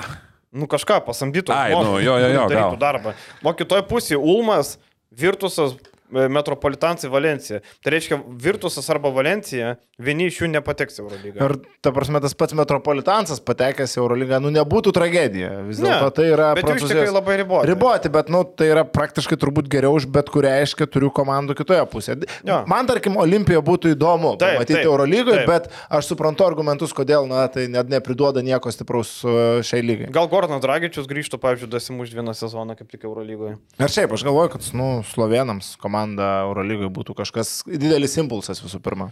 Tai va, tai aišku tiek, kad niekas neaišku. Tai labai įdomu, sieksim situaciją, kitą savaitę jau galėsim aptarti ketvirtfinalius. Na, o dabar Eurolygos pirmieji mačai, laidos pabaigai. E, daug nėra ką kalbėti, nes mes kalbam ketvirtadienį, o jau šiandien vakare antrieji mačai. Labai Tai niveliuosis, tokie- nuvirties podcastas. Jo. Tai... Bet daug kas žiūri iš karto, tai dar spės pasižiūrėti. Nu, tai spės. rungtynių. Ok, tai labai daug nėra ką. Milanas prieš e, Anadolo. Mane nuvylė Milanas, nuvylė Etori Mesino sprendimai. E, man atrodo, komanda buvo nepasiruošus, kas yra. Kodėl reikia žaisti su Olvyčiu ir Džerijanu Grantu, kai tu turi Trojų Danielsą išleidyti ketvirtam kelnį. Nesuprantu aš tų sprendimų. Man labai nepatiko, kad šitas buvo suvokta vat, būtent tik ketvirtam kelny ir tai jo antroji pusė, kada tu suvoki, kad realiai tu turi metimus, bet tau trūksta metikų, tau trūksta karštų rankų, nes a, tie žaidėjai, Nikolomelė ir kiti, jie tiesiog nesusimetė savo metimų, bet uh, spot-up metimus tu turi. Uh, Tai Trojus Danielsas, kad ir koks jam šūdinas buvo didžioji dalis šūdinumo sezono, jis yra elitinis metikas iš prigimties. Jis nerodo tokio skaičių, bet jis yra metikas, jis yra sniperis. Ir tą jis dar kartą parodė ketvirtam kelny. Ir man atrodo, kad tokioje situacijoje tai galėjo būti, aš visiškai pritariu anksčiau padaryta. Nuo ketvirto kelnio pradžios Danielsas įėjo ir iš karto. Pradžios, jo. Jo, iš karto pataikė porą metimų, ten dar lyg galėjo, atrodo, sugražinti šiokią tokią intrigą, bet to nepadarė. Šitą seriją, nu, sumelė traumą, turbūt ir užsidaro. Taip, aš manau, kad vienintelis pranašumas, kur turėjo Armanis, matėm, bandė atakuoti su Meli. Meli turėjo nemažai metimo, nemažai opcijų. Benas Bentilas ten 3-4 tritaškai, bet e, čia toks labiau iššovimas, ne jau ką. 9 iš 10 kėlinio taškų 9 pelnė Šiaip tritaškais. Įsijungęs tą mačą, pagalvojau, blemba, koks skirtumas tarp NBA atkrintamųjų ir Eurolygos atkrintamųjų. Čia aš nelyginu, akivaizdu, kad, bet tiesiog šiaip e, bendrai akies teste, nu tragedija buvo. Pirmie du kelniai iš vis buvo antikrepšinis, nu nekrepšinis. Ir nebuvo. net Eurolygos kontekstu čia buvo antikrepšinis. Mes prisiminkime reguliarų sezoną, kur tikrai buvo daug gerų rungtynių, kur vaibas, atmosfera, a, aikštelėje gera, tritaškis po tritašką, ten Barcelonos tie patys mačai su daug komandų. Čia nu buvo toks negyvas krepšinis. A, kalbant apie šitą mačą, tai vėl e, labai jautėsi tas COVID, ką aš norėjau pasakyti, nes kalbant apie Ypatingai perimetro žaidėjus, tie pirmi sprendimai, sprendimo prieimimo greitis, visa motorika, pirmi žingsniai, kal- kalbant ir apie fiziškumą, nu, labai stipriai atsiliko ir nu, nebuvo tiesiog Eurolygos atkrintamųjų lygio. Ir antra pusė, aišku, nustebino šiek tiek, kad ir kokia buvo Milano komanda, bet nustebino ir, ir, ir, ir Anadolų gynyba. Jeigu mes kalbėjom, kad čia dviejų filosofijų komandos, tai pavyzdžiui, individualūs asmenys, Vasa Micičius prieš Delanį, paskui Boboa prieš Šilcą ar, ar atvirkščiai, nu, momentais atkarpom buvo aukščiausio, aukščiausio lygio. Taip skirtai, Vasilijai Misičius, mes jau esam šitą temą, man atrodo, šiek tiek kalbėję, yra turbūt vienas geriausių, jisai besiginančių pirmųjų numerių Eurolygai. A, Su Tomasu Volkopu turbūt kažkas panašaus. Dar prieisime apie. Vokupą. E, dar ką noriu pridėti, Anadolo dar gali žaisti geriau, nes kol kas Micičius ne, nejaučia ritmo. Jisai mėnesį nežaidęs, akivaizdu, buvo daug blogų sprendimų ir taip toliau. Dar Micas žais geriau. Tai, Taip. o nuvažiavęs į Stambulą, nematau šansų iš viso. Aš dar irgi pridėsiu, kad, nu, vėl, susakėm, šią areną ir užsikūrė bus gerokai. Aš dar pridėsiu apie Larkiną, nu, gerai, užkabliavo ten mūsų tas uh, judesėlis po krepšių, išdūrus visiškai Delanį ar ką? Man atrodo. Turbūt. turbūt. Neatsimenu. Tiek, kad prieš tai biški blokų pasirinko ten, bet vat, čia ir yra Taip. žaidėjas labai greitai persiorientavo. Man pamatė, kad ne. Trumpa atmintis. Kaip, pa- kaip, pas, kaip, pas, kaip pas žuvį. Ne, ne, ta prasme, gi sakoma, metikam turi būti trumpa atmintis. Ai. Parametai, pamiršai toliau metį. Bet turi nu, mesti. aš nesutikčiau, kad jis pamiršo, jis persiorientavo, ta prasme, jis lindo po krepšiu, pamatė, kad neina, tada pati žinai, kitas gal bijotų, sakyti. sakytų, blem, aš gal du blokus gal bijau, bet jis pamiršo, kad kavą žaidžia. Nesvarbu, esmė, kad Jo. jo. toliau darė savo dalykus. Ir ties Larkinu dar vat, įdomus faktas, a, mūsų užkabliavo tie stebekai, sidestepai, tritaškiai ir panašiai. Bet... Stepas, sakai? sidestepai ir stebekai, bet iš esmės Pirma rungtinių pusė jam buvo labai prasta. Vėlgi, kalbėkim kaip yra, tos trys labai kvailos klaidos su labai kvailais pasais.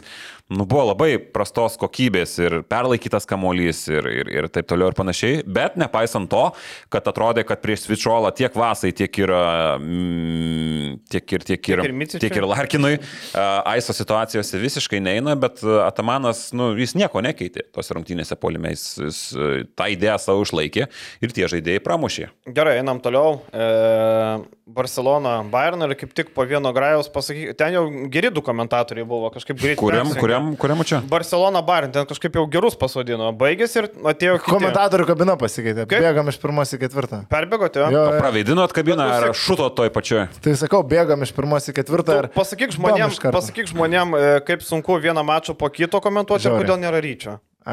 Va, dėl ko- kodėl ryčio nėra, nežinau. Čia šią Tiesiog savaitę nebus. tiesiog nebus jo kažkodėl. Tau pasisekė.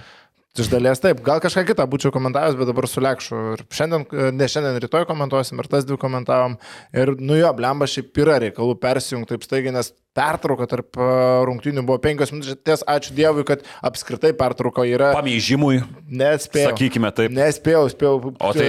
Ledinuką sučiulp. O tai darėte į menzurėlę ar kur? Mm, Aš, pas mane puslė yra tokia, kad aš po penkių alaus bare neinu į tualetą. Kaip pas? A, Čia, čia nemitas, rimtai, žinokit. O, gerai. Čia pasigiriau dabar. Sver, didžiausias pasiekimas gyvenime, kad aš praktiškai nemyžu.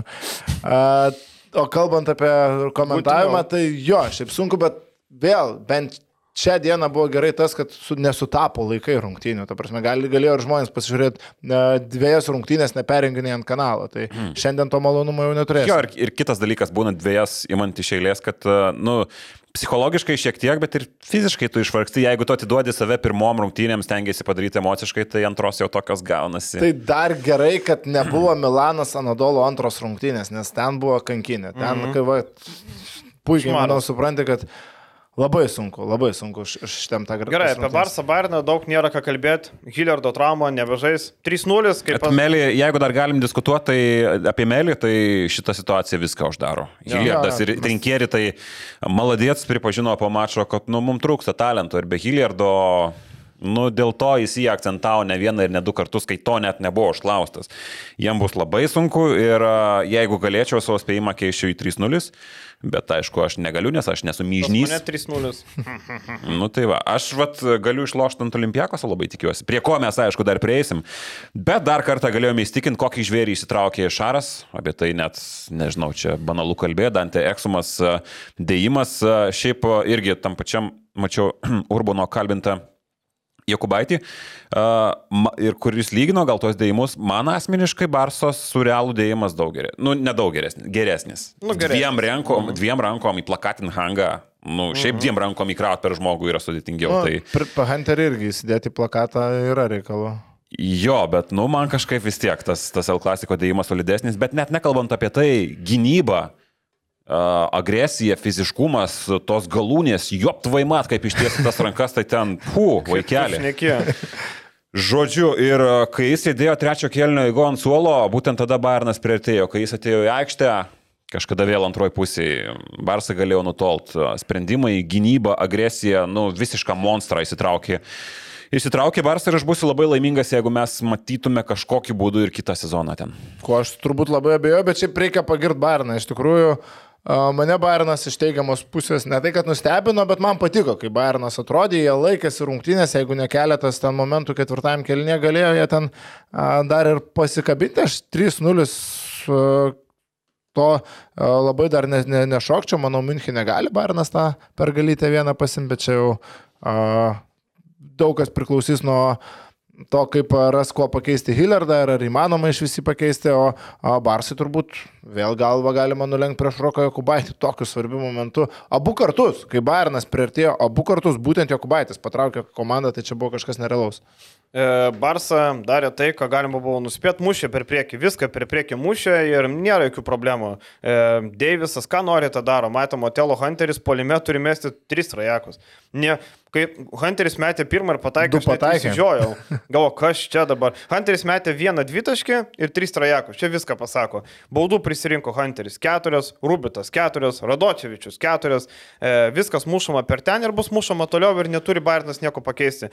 Aš tik dar pridėčiau, kad Lučičius sužaidė geriau negu galėjo. Manau, kad e, Šaras e, su Bizūnu privers prieš Lučičių geriau gintis ir jisai bus pristabdytas. Ir Nikola Mirotičius vak, e, vakar, už vakar atrodė prikrovėsi kelnes, pramesti metimai ir permesti tokie, ne šiaip, kad įsisuko, tarkim, vakar matėm rungtynėse su realu, ten įsisuka metimai ir taip toliau, o čia metimai pro šoną visiškai. Tai... Grįžta atkrintamųjų Mirotičius. Nu, bet kol Barsai pirmavo seriją, ramu. Aš dar pabaigai pridėsiu. Jasonas Džordžas, jaunuolis iš Barno komandos. Nu, pypinkit, nepypinkit. Nu, eiktų nahui. Koks tu esi? Kas? Vėl girtas Viliaus sėdi, blemba. Lemba, aš ne, man Po pyktis. šito podcast'o mūsų uždarys. Kai jaunas bišas, 21 metai, išeina va toks, va kažkoks, aš čia pabėgiosiu, biški pažiūrėsiu, gauni 2 plus 1, apstumdo po krepšių praleidinį tiesioginį oponentą ant pirmo žingsnio ir tu va toks, va bėgioji. Tai tu nežaisk, jeigu tu nenori. Eik namo, 21 eik. metai, pažiūrėk, va, čia banalu, mes kalbam apie savo, bet Jokubaitis, nu, ta prasme, dega akis, jisai kursto ten tą atmosferą, jis nubėga prie tos draksų tribūnos, jis ten užvedinėja juos. Čia va toks va kažkoks išbėga. Mane žiauriai suparino tas jaunas bišas vardu ir pavardę Jasonas Džordžas. net- Net kreipė netkreipė dėmesio. Jis žaidė trečiam kelnyje. Ne, tai aš mačiau, kad jisai žaidė, bet į tos jam, kaip pasakėjai, va tokius va nepastebėjau, bet reiks pažiūrėti. E, Gerai, Pirėjus, Monakas, e, Pirėjaus gynyba vakar buvo kito lygio. Monakas neturėjo absoliučiai jokių variantų. Taip, po pirmo kėlinio Monakas 15-8 pirmavo, bet ten jau Olimpiakosas buvo šiek tiek prikrovęs į kelnes ir nesusimetė ir metimo, ir aišku, nebuvo susikurta padėčių, bet antram kelniui viską sustatė į savo vietas. Ir būtent Tomaso Vokapo gynyba, duota, užduotas tonas prieš Maiką Jamesą, vakar buvo tas toksai e, clutch faktorius, aš galvoju. Dar printezį būtina paminėti. Taip. Visus metimus susimetė, ką metė. Vienas iš vieno dvitaškius, du iš dviejų tritaškių, keturios iš keturių baudų. Atėjo senelis, padarė rungtynės, a, laukia kito mačo. O vaikyti Vokapas, tai apie ką aš ir kalbėjau, jis yra imtas su vaidmeniu, su vaidmeniu gynyboje. Ir tie taškai jis ten turėjo susimetęs vieną metimą gal per pirmą pusę, ar tai nu, nebuvo jis ten ir visiškai ryški figūra, bet gynybas, gynyboje veiksmai, vaikeli, tai yra visiškas elitas. Ir mes Eurolygoje tokio žmogaus pirmoji pozicijoje tikrai neturim prieš tą patį Maiką Jamesą. Pirmoji pusė apskritai nieko nepadarė Jamesas. Forsavosi savo metimus. A, Sprendimai kreivi išleivi, visiškai išimtas iš žaidimo. Ir visas Olimpiakosas reikia apibūdinti kaip darinį iš tą komandą. A, Laukinį Monako klubą privertė žaisti a, tiesiog arba individualiai, arba ne per tuos žaidėjus, kuriuos reikia. Ir mes kalbėjom, kad neva graikai yra nusivylę šiek tiek kovolkų, bet mes dabar akivaizdžiai pamatėme, ką jis gali duoti tokios rungtynės. Kaip, jis, kaip jis gali užsmaukti tokį Maiką Jamesą, kuris, na, yra... Aišku, aš netikiu, kad vis, visą seriją tai bus Maikas, už, Maikas Jamesas užsmauktas. Spėjau pats pasakyti, tai aš galvoju, kad vis tiek anksčiau ir vėliau jisai iššaus, bet jau vienose rungtynėse darbas padarytas ir tai jau yra svarbu. Hasano Martino tos netikties nesimatė. Huseino Martino. Huseino? Huseino Martino. Kaip sakė vienas krepšinio specialistas, Huseinas Martinas. Ai.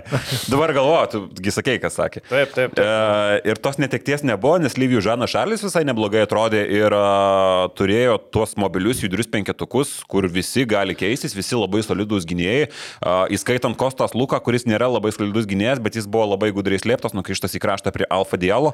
A, tai Olimpiakosas man priminė tą patį monstrą, a, kurį aš mačiau visą reguliarių sezoną, tik dar vienu laipteliu aukščiau, nes ta atmosfera dar labiau įelektrino tą, tą komandą. Aš toj serijoje sakiau, kad bus 3-0, a, sakiau, sakiau iš esmės iš dalies dėl to, kad labai vienodinosi mūsų tie mūsų tie visi spėjimai, bet iš esmės tikėjau visiškų olimpiakoso pranašumų. Galbūt ne tokiu, kokiu sako 3-0, bet tikiu, kad šita komanda yra Final Four. Tai tos pirmos rungtynės uh, absoliučiai viską pateisino. Uh, šiaip, kaip ir kalbėjom, irgi čia tai aš galvoju, kad uh, Motyvūnas nekartą prakeikė Deveiną Baconą iš to situacijų, nes matėm ir paskutinę sekundę antram kelnį, kuris turėjo akivaizdų pasą iškišti. Uh, Motyvūnui pagailėjo, metė visiškai belio kokį kreivą metimą ir teliko Motyvūnui skiešio rankom. E, Dar prieš rungtynės įteikė Spanuliui Eurolygos legendos statulą. Spanulis nusiskutęs visiškas babyface'as. E, Man 25 Spanulis, kaip sakant, nusiskutęs seniai nemačiau nusiskutusio. Ir Spanulis tuoj pradės trenerio karjerą. Man kitą sezoną bus labai įdomu stebėti, kaip žais Patrų komanda, kaip seksis jam. E, Bet mūsų bičiulis Ilijas Zurosas va dabar vėl darbą neteks. Nu, kaip nesiseka Zurosui. E, Bet Spanulio vieta ruošiama, tai Patro klubo keliaus, Eurolygos legenda. Kitas paskutinis mačas - Madrido Realas. 10 taškų skirtumą nugalėjo Tel Avivo Makabė. E, ten manęs realas neįtikina vien dėl to, kad, nu, pataikai daugiau tritaškių negu dvitaškių, pataikai juos įspūdingų 55 procentų taiklumu, manęs neįtikino. Ir nepaisant to laimi tik tai 10 taškų. E, manęs neįtikino. Atėmė visiškai Pablo Laso ir man, e, kaip aš kalbėjau, kad bus serija gera, ir, bet šiokį tokį pranašumą atiduodu realui. Ir aš nekalbu apie kaip bus kitada, nes tarkim, jeigu Makabis laimi antras rungtynės Vizing Center arenoje kažkaip, o tai nebūtų didelė sensacija ir būtų favoritai laimėti ir sekančias uh, kitas dviejas uh, savo arenoje, tai viskas lieka taip pat. Makabis ir toliau nieko neprarado šiuose pirmose rungtynėse. E, aišku, pralaimėjus antras jau spaudimas būtų visiškai kitoks, bet Realas pademonstravo, kodėl kartais krepšinį nereikia tikėti tuo momentumu.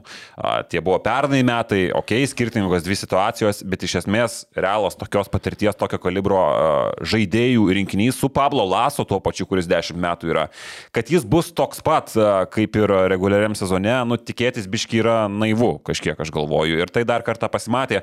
Vėl žaidė tą savo neispanišką, nereališką, nelasišką krepšinį. Žaidė per e, inside vietas, įmestas kamuolys tavarėsui, bandyta žaisti su puirė, su su, su, su Jabuselė, nežaista labai stipriai perimetre ir visa kita, bet gynyboje, nu, Vilbekinas susimetė 20 taškų, ok, bet tarkim svarbiausiais momentais ketvirto kelnio vidury, kai lūžo rungtynės, nebuvo nei Nanailai, nebuvo nei Vilbekino,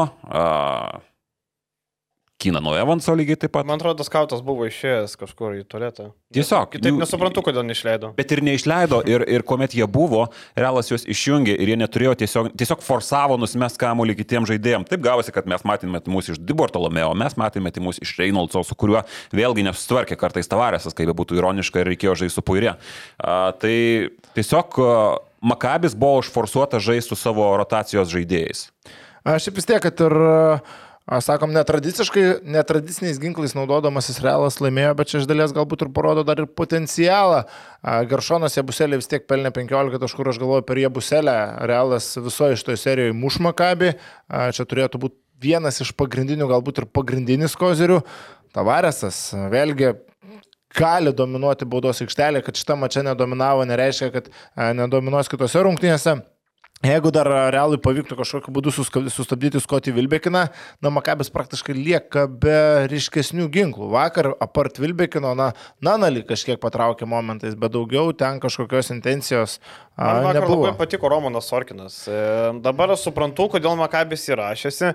Šiaip 25 metai jau nėra, bus 25 rūpjūtį, nėra tas amžius, kad ten jau labai jaunuolis, bet Izraelio pasas ir e, šiaip Sorkinas gali žaisti krepšinį. Man vakar patiko jo energija, man patiko vakar e, abiejose aikštės pusėse, kai jis darė du blokai ir vakar Ante Žydžičius e, visiškai netiko tam mačui, Evri Evinas Vos 14 minučių davė 2 taškai minus 2 balai. Baudų dar prisirinko Žežičius, bet aišku, galėjo žaisti daugiau jo. Galėjo žaisti daugiau, bet man vakar Sorkinas patiko, tai yra toks X faktorius. Bet realiai irgi, nu, atsiprašau, Kozė 4-6 ne kiekviena mačia su manimi. Fernandesas 4-8. Taip, tai. tai va, tai yra 8, 8 iš 14 tritaškių žmonių, nu, kurie daug dievė pataikys 2 per mačą, 3, ne, tarkim. Tai jau kiek taškų. Sakau, Aišku, vien dėl to... Gosas aš... jau atrodė taip, kaip maždaug plius minus iš jo galima tikėtis, 8 rezultatyvus puikus perdavimai, 11 taškų. Vakar jis viską darė labai gerai, kūrė žaidimą aфиgenai. Tai... Ant e, Žyžičiaus buvo šioks toks akcentas ir jam buvo visos uh, prašiausios viso sezono rungtynės, šitą reikėtų akcentuoti, ne šiaip savo prastos rungtynės. Uh, su, vat, kaip ir minėjau, su Reynoldsu buvo kiek, kiek kitaip, nes Tavaresas su juo visiškai nesusitvarkė, tai jo, Sorkinas irgi vakar kažkokį tai įspūdį paliko, bet sakau, Realas vakar buvo geresnė komanda ir, ir, ir, ir tiek aš nesuprantu realo žaidimų. E, tu sugražinėjai komandą Ertelį ir Tomkinsą. Nu, okei, okay, Tomkinsas nereikalingas. Ertelis dalyvavo treniruoti viskas. Kodėl jo neregistravo rungtynėm? E, ar Jeffrey Tayloras 8 sekundžių žaidėjas buvo reikalingesnis už gynėją Ertelį? Arba Nuniezas, kuris iš vis nežaidė. E, tai nesuprantu aš realų žaidimų. Čia gal pagazinti norėjau, žiūrėkit, mes čia RTL turim, jis čia jau treniruojasi, bet jo neregistruoja. Ar čia kitose rungtynėse Pablo Laso laikysi savo, kaip ten dvigubą savaitę būna, vienas, vien, vieną mačą vieni žaidžia, kitą kiti. Ir kitose rungtynėse matysim, Kozė ir Gosas krepštys nosi, o Tomkinsas ir jisai žais. Nesuprantu. Ne, tai pavyzdžiui, pasižiūrėkim, kaip, kaip buvo iš pat pradžių Laso, kaip Ispanijos žiniasklaidai, kaip Markas citavo Laso, kad čia yra grin grinai mano sprendimas, aš turiu parodyti stuburą, kad jeigu tokie dalykai vyks ir toliau, mes virsim palaida bala, aš išmečiau ir sprendimas yra nekeičiamas, viskas. Vėliau matom, po dviejų savaičių jie treniruojasi. Tai man atrodo kažkoks galbūt, jeigu jie treniruojasi, jie reiškia, yra komandos dalis, kaip ir sakė vėliau Laso. Bet uh, galbūt čia yra kažkoks tiesiog parodymas, kad tokie jie treniruojasi, bet mes vis dar rodom jiems uh, įsitraukę birką ir panašiai, kad jie dar būtų nuo šaly laikytų ir, ir, ir taip toliau ir panašiai.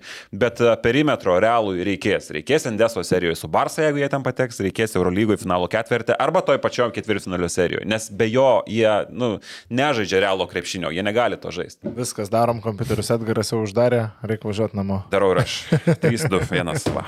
Jo, tai nesuprantu tų žaidimų ir pažiūrėsim e, penktadienį kitas mačas, pasižiūrėsim, ar, ar bus kitaip, ar išbėgs Erteris, ar čia dėl akių. Bet šiaip dar toks pastebėjimas, prieš išeinant, šiek tiek mažiau hypo ties Eurolygos atkrintamosiam šiais metais pastebėt, nei kad pernai. Bent jau, nežinau, socialiniai erdvėjai, sur kitur. Pernai kažkaip man buvo lyg ir daug didesnis susidomėjimas, ar čia tik mano toks Ką žinau. pastebėjimas, ne? Ne, man ne. Man Tai gal kiekvieną žiūri individualiai, žinai, gal, gal ne, tau aš- taip atrodo, man, bet... Ta prasme, man taip Man labai, aš- man labai gaila, kad tau taip atrodo, kai tu komentuoji. rungtynes. Ne, aš turiu omeny Facebook'e, kiek dedasi visokių, kiek kažkokių Tarp kitko, Viliau, e, mes to esame protiškai nesveiki žmonės. Čia Obradovičiaus tekste vat, e, atsiranda rusų trolių, kurie ateina iš karto gintis e, serbus, ar ne, ir iš karto mes, aišku, baną dedam, tai prisiregistruoja dar kartą, rašo, ištrinant komentarus, Vilius ir Pulkovskis yra protiškai nesveiki. Jo, mačiau ir pasižiūrėjau aš tą profilį, kuris, nu, botinis absoliučiai yra. Nu, taip, Ir ką mes kalbame. nežinau, nežinau, kodėl būtinai mes su Viliumi skirti Vilius šiaip Nes nedirba. mes kažką Nes aš tai pasakėme. maladės. Tautvydas tą kartą nepasakė, kažkokią temą kalbėjom ir kažką Protiškai pasakėm. atsilikę mes esame. Žodžiu, e, protiškai atsilikę. Ačiū mūsų žiūrovom, kurie žiūrėjo. Jūs nesat protiškai atsilikę. Mes irgi ne, šiaip jau jeigu ką. Nu, čia individualiai, kaip sako Vilius. Kiekvienas individualiai sprendžia. Dėkui, iki kitos savaitės. Iki.